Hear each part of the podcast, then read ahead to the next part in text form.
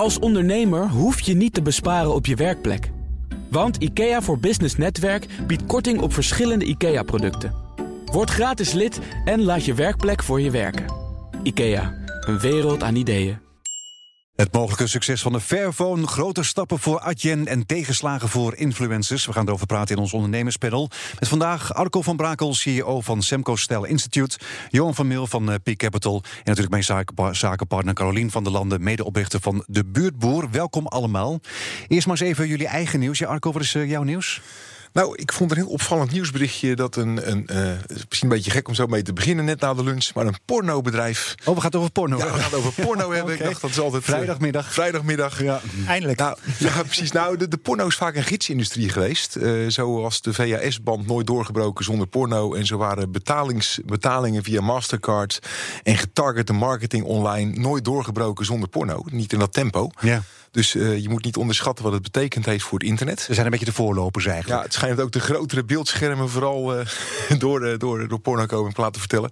Maar even alle gekheid op een stokje. Um, het is dus vaak een gidsindustrie. Mhm. Mm -hmm. En het interessante is dat, ze een, een, dat er nu een pornobedrijf is... dat heeft gezien dat er een website was die het nodig vond... om de gegevens van alle acteurs online te zetten. Een soort forum, hè, was het? Ja, ja. en ze hebben, dat is natuurlijk niet prettig voor de privacy van die acteurs. Dus nee, wat namen, telefoonnummers, alles stond erop, hè? Alles stond Ja, en dat, dat kan natuurlijk eigenlijk niet in deze wereld die door privacy wordt gedomineerd.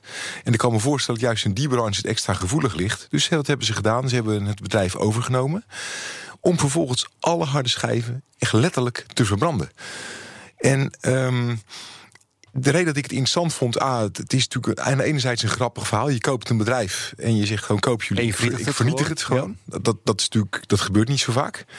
Um, maar ik denk dat dit wel eens een keertje een, een, een staartje kon krijgen. Omdat uh, het probleem natuurlijk veel groter is dan alleen maar de porno-industrie. Hoe wij met privacy en gegevens van mensen omgaan, uh, is niet voor niets altijd een discussie. Nee, en deze gegevens zijn nog niet weg van het internet waarschijnlijk. Nee, want die klopt. hebben er ergens opgestaan, dus die duiken ergens anders ook nog wel een keer weer op. Nee, ze kiezen ook niet voor juridische stappen. Dat wel grappig. Als ze juist bewust ja. waarschijnlijk voor de snelheid ja. kiezen voor het opkopen. Ja. En niet, ja. Uh... ja, precies. Het is een, een hele legale manier van het recht in eigen hand nemen. Dat vond ik uh, het interessante ervan. Ja. Maar zijn ze, lopen ze hier ook weer in voorop? Zouden meerdere bedrijven dit moeten doen om gewoon dat op te kopen om onze Apple privacy? en Google opkopen ja. voor alle privacy. Uh... Ja, al onze data gaan we terugkopen met z'n allen. Ja. Nou, uh, dat was dus wel een gedachte die ik had. Kijk, stel dat iedereen dat zou doen. Um, het is natuurlijk een enorm signaal wat je hiermee afgeeft. Hè? Want het is natuurlijk zo dat je natuurlijk altijd zorgvuldig met elkaar gegevens om moet gaan. En ik vind dat ook de ultieme manier om respect te tonen aan klanten en medewerkers. Dat je ook werkelijk zorgvuldig bent. En je ziet hier dus wel een stukje loyaliteit van dit bedrijf aan zijn, aan zijn acteurs. Hè? Wat, wat, we er ook van vinden. Hè? Want er zijn mensen die hebben er veel kritiek op. Maar het is een stukje loyaliteit aan de acteurs. En ik kan me voorstellen dat een, een, een deze wat onconventionelere manier van privacybescherming wel eens uh, navolging zou kunnen vinden. Wat er eigenlijk betaald voor dat bedrijf Arco, weet je dat? Wat? Geen idee. Nee, nee? Dat, dat meldt het verhaal niet. Nee, was dit ook wel het doel van Om dus opgekocht te worden om te te denken, waarom, wat was uiteindelijk hun... Het is ook een manier om snel geld te verdienen. Ja, ja. ja. nou, dat, en dat is de andere kant van het verhaal. Uh, dit is natuurlijk wel een vorm van chantage, weet ja, je wel. Joh, ik doe het niet als je me koopt. En dat is de andere kant van het verhaal. Mm -hmm. Ik dacht, ja, wacht eens even, jongens. Als dit nu een businessmodel ja, gaat worden... in de hand misschien. Dan werk je het in de hand. Dus het, het heeft een aantal interessante kanten, vond ik, deze, deze discussie. Ja. Johan, wat is jouw nieuws? Ja, ik heb echt eigen nieuws. Uh, met Peak Capital hebben wij een uh, fundaton. En daar was de deadline 8 september. En de fundaton hebben wij eigenlijk in het leven geroepen. Wij zijn natuurlijk investeerder in uh, jonge technologiebedrijven. Startups. Startups, maar heel veel, met name kleinere bedrijven.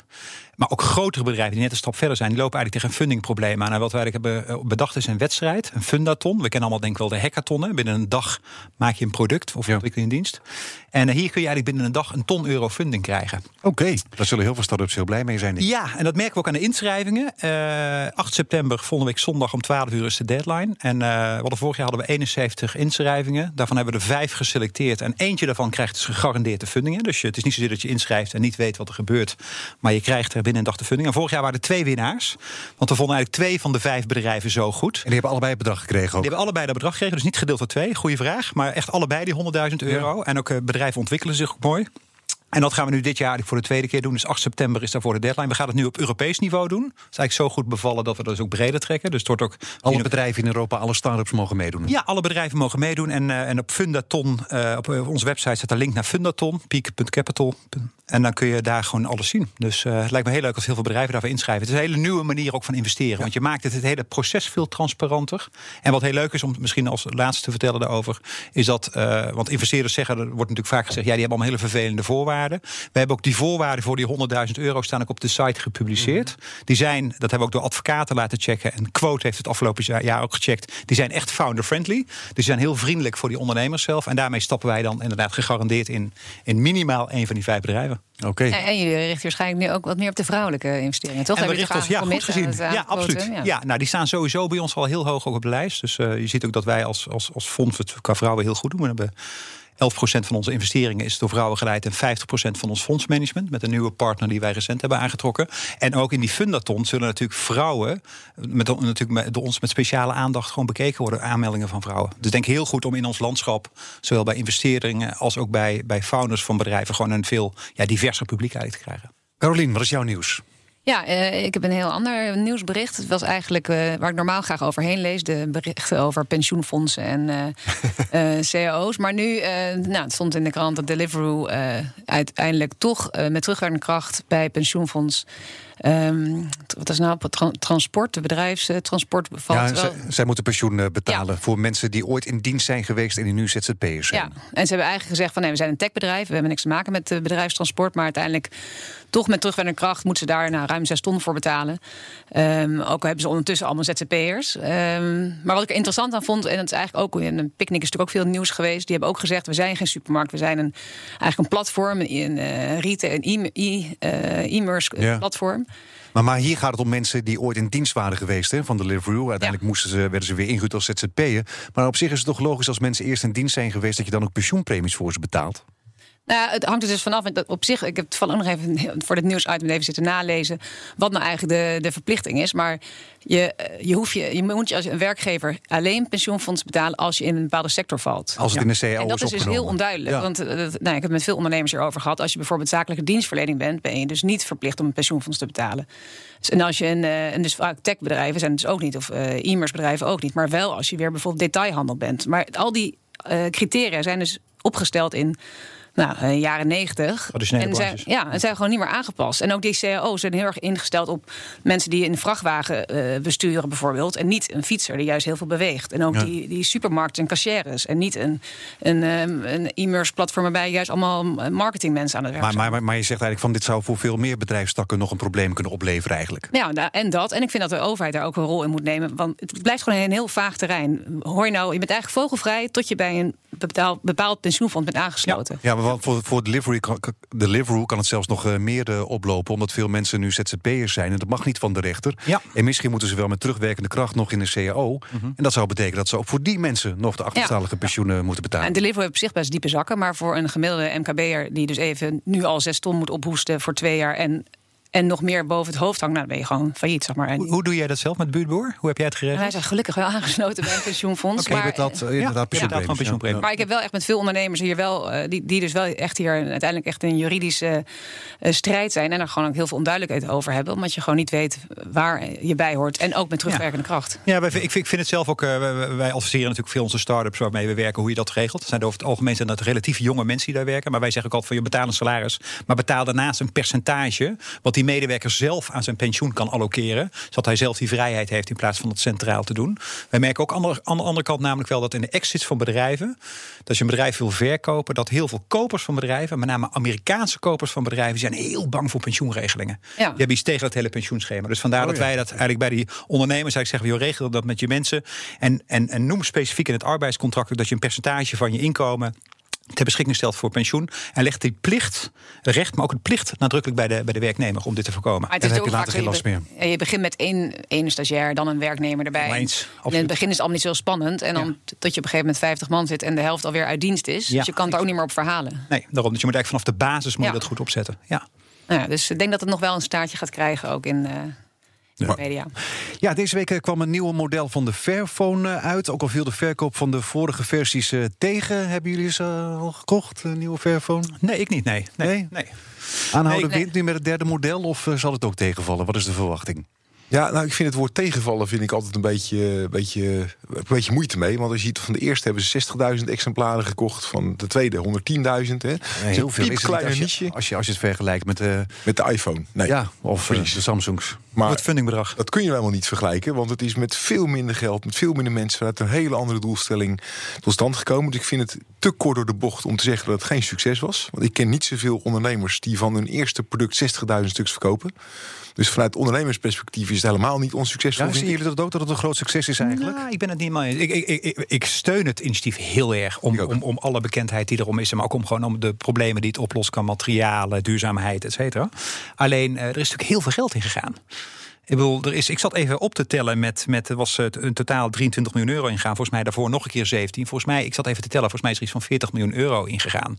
En als je dan kijkt wat er, hoeveel telefoons er worden verkocht. Dat is dan weinig. Dat is niet zo heel veel. Ik had gehoopt dat het meer was, laten we dat zo zeggen. Maar ik heb, ik heb het zelf ook wel eens ooit in mijn handen gehad. Een van de vorige versies. En ik was ook niet enthousiast. Waarom niet? Dus ik ga het. Uh, ja, omdat ik als. als uh, ik, bedoel, ik gebruik zo'n telefoon met name zakelijk. En mijn eiselaar gewoon veel hoger dan dat het was eigenlijk. Ja, het is een soort van IKEA-telefoon. Je kan hem in elkaar zetten. Ja, maar terwijl ik wel denk, het past wel heel erg goed bij waar nu uh, alle moet. En dat je dus, ik vind te zonnig, elk jaar zit ik weer met, dan denk ik, de batterij is weer leeg. Moet ik weer een hele nieuwe telefoon van 1000 euro kopen. En, en dat je juist, nou, die hele eerlijke industrie erachter. Dus volgens mij ligt het wel heel erg bij iets wat nu heel erg speelt. Wat, wat, wat zouden ze moeten. Ik zat ook na te denken. Wat zou je nou moeten veranderen? Ik vond de prijs redelijk steep, persoonlijk. Ja, deze is goedkoper dan de vorige versies ook. Ja, ja maar nog steeds wel. Uh, hij is niet, ja, 450 uh, euro is deze inderdaad. En omdat je niet weet wat hij kan, is het nog wel spannend. Dus ik, ik heb wel best veel mensen gevraagd die hem wel kennen. En die vonden hem toen nog technisch uh, nou eigenlijk wel echt veel lager dan de alternatieven. Mm -hmm. Ja, maar, maar, maar, toch wat je zegt inderdaad, in deze tijd waarin alles duur, iedereen is met duurzaamheid ja. bezig. Ik bedoel, je zou toch zeggen dat het dan populairder zou zijn, ja. zo'n telefoon. Ja. Maar het is het allerbelangrijkste voorwerp ongeveer. Je telefoon. Ja, die, je camera moet goed, die moet altijd bereikbaar zijn. Dus het is gewoon wel heel zweet. Eigenlijk zou je misschien eerst willen gebruiken of zo. Een soort van proefweken, een proefabonnement. Mm -hmm. Ja, dat is denk ja, maar dan vind ik juist die cultuur dat ze steeds tot betere versies proberen te maken. Vind ik dat ze dat wel, ja. wel goed doen. Ik vind we moeten niet afserveren, want het is gewoon een heel goed idee. Maar je concurreert, en dat is het hele probleem, met iets tamelijk perfect zoals een iPhone en, en een Samsung.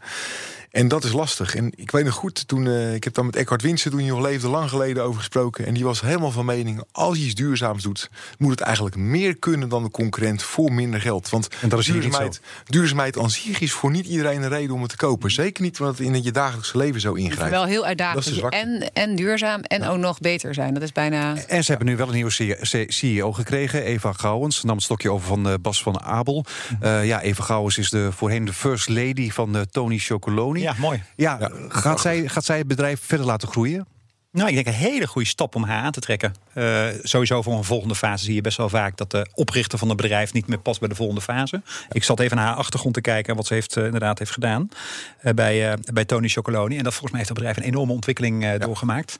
Ja, omzet groeide met 50% per jaar bij Tony. Ja, dus ik, ik, ik denk dat dat heel goed is. En dat geeft mij wel heel veel vertrouwen in het bedrijf. Maar wel meer daar een, meer een impulsaankoop, chocola. Mm -hmm. En de, telefoon nee, niet, ja, dat is wel weer. Nee, ik zat nog te denken, omdat je net zei, wat zouden ze anders moeten doen? Dat je, je had op een gegeven moment, volgens mij is de OnePlus of een andere waar je dus vanuit schaars, moet, je moest echt op de wachtlijst. Wat Picnic natuurlijk ook heel slim doet. Dat je dus eigenlijk een soort van ja, heel graag een wil uh, ja, exclusief maakt. Hard, hard to get eigenlijk. Ja, ja wat zo Tony Chocoloni natuurlijk heel goed heeft gedaan. Ik, ik weet niet wat jullie vinden, maar ik vind het eigenlijk lekkerder dan andere soorten chocola. En dat hoor ik ook van bijna iedereen mm -hmm. die het eet. Ja. Dus het is, dat is ook wel belangrijk geen, natuurlijk, hè? Je hoeft ook helemaal geen offer te brengen om nee. Tony Chocoloni te eten. Je moet misschien wel een offer brengen voor de Fairphone.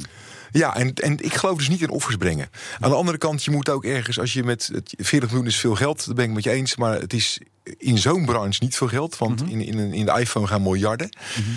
Um, ik, ik, ik, hoop dat ze, dat, ze, dat ze nu de 200.000 gaan verkopen. Ja. dat ze elke keer een stapje verder komen. Ja. Want uiteindelijk moet je natuurlijk wel naar deze manier van produceren toe. En ze hebben een toptijd mee. Dus uh, wat dat betreft, als ze het een keer kunnen doen, dan is het juist. Precies. Uh, ja, en, en heel goed dat er een vrouw ook aan het roer staat. Ja. Van zo'n bedrijf. Laten we dat niet vergeten. Ja. Laten we het hebben over de influencers. Want uh, Instagram die experimenteert met het afschermen van het aantal likes per post, per post. En dat is slecht nieuws voor de influencers, want die kunnen niet zonder likes.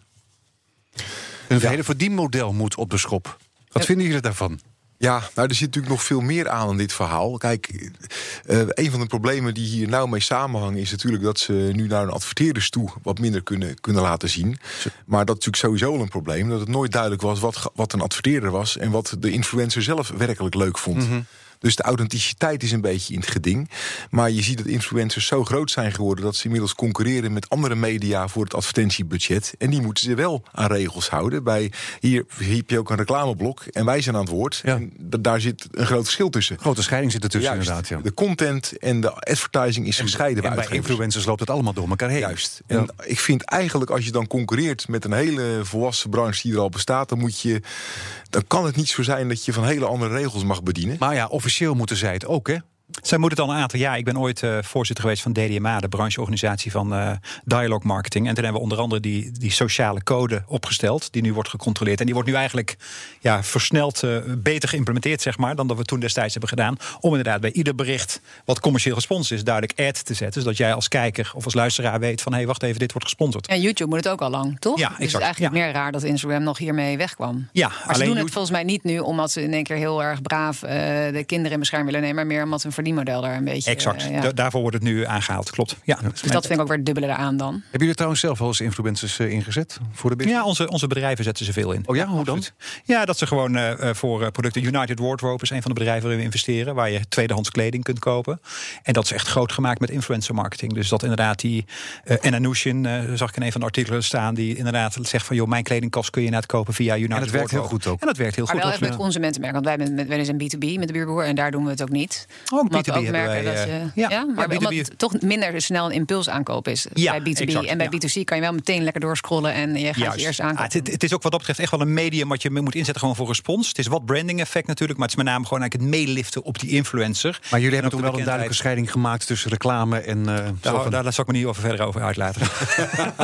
maar ik, ik, heb juist het idee dat eigenlijk de doelgroep, uh, dat, dat, het, dat dit juist heeft kunnen gebeuren omdat het misschien de mensen die over deze codecommissie, dat die gewoon niet op Instagram nog zaten. Dat het dus daardoor langer heeft bestaan dan misschien eigenlijk wel. Ik vind het gewoon heel raar dat hier geen uh, beleid op wordt gevoerd. Nou ja, en vallen te controleren. Dat is een heel groot probleem. Er zijn tegenwoordig zoveel influencers. Hoe zou je dat moeten controleren allemaal natuurlijk ook? Ja, dat valt ook weer mee. Er zijn heel veel andere media, iedereen, veel tijdschriften. tegenwoordig influencer, toch? Ja. Nee, maar plus, plus, plus, plus je, uh, ik bedoel, het is gewoon innovatie. En innova wetgeving loopt altijd achter bij innovatie. Dus als je, als je wetgeving voor gaat lopen op innovatie, ga je innovatie remmen. Dus ik denk dat het een hele normale ontwikkeling is. Ik denk het ook. Je hebt altijd even een reset nodig. En ik denk dat hier een bewustwording op gang komt. Ik denk dat ook misschien de, de influencers zelf nu toch meer gaan nadenken over hun eigen profilering.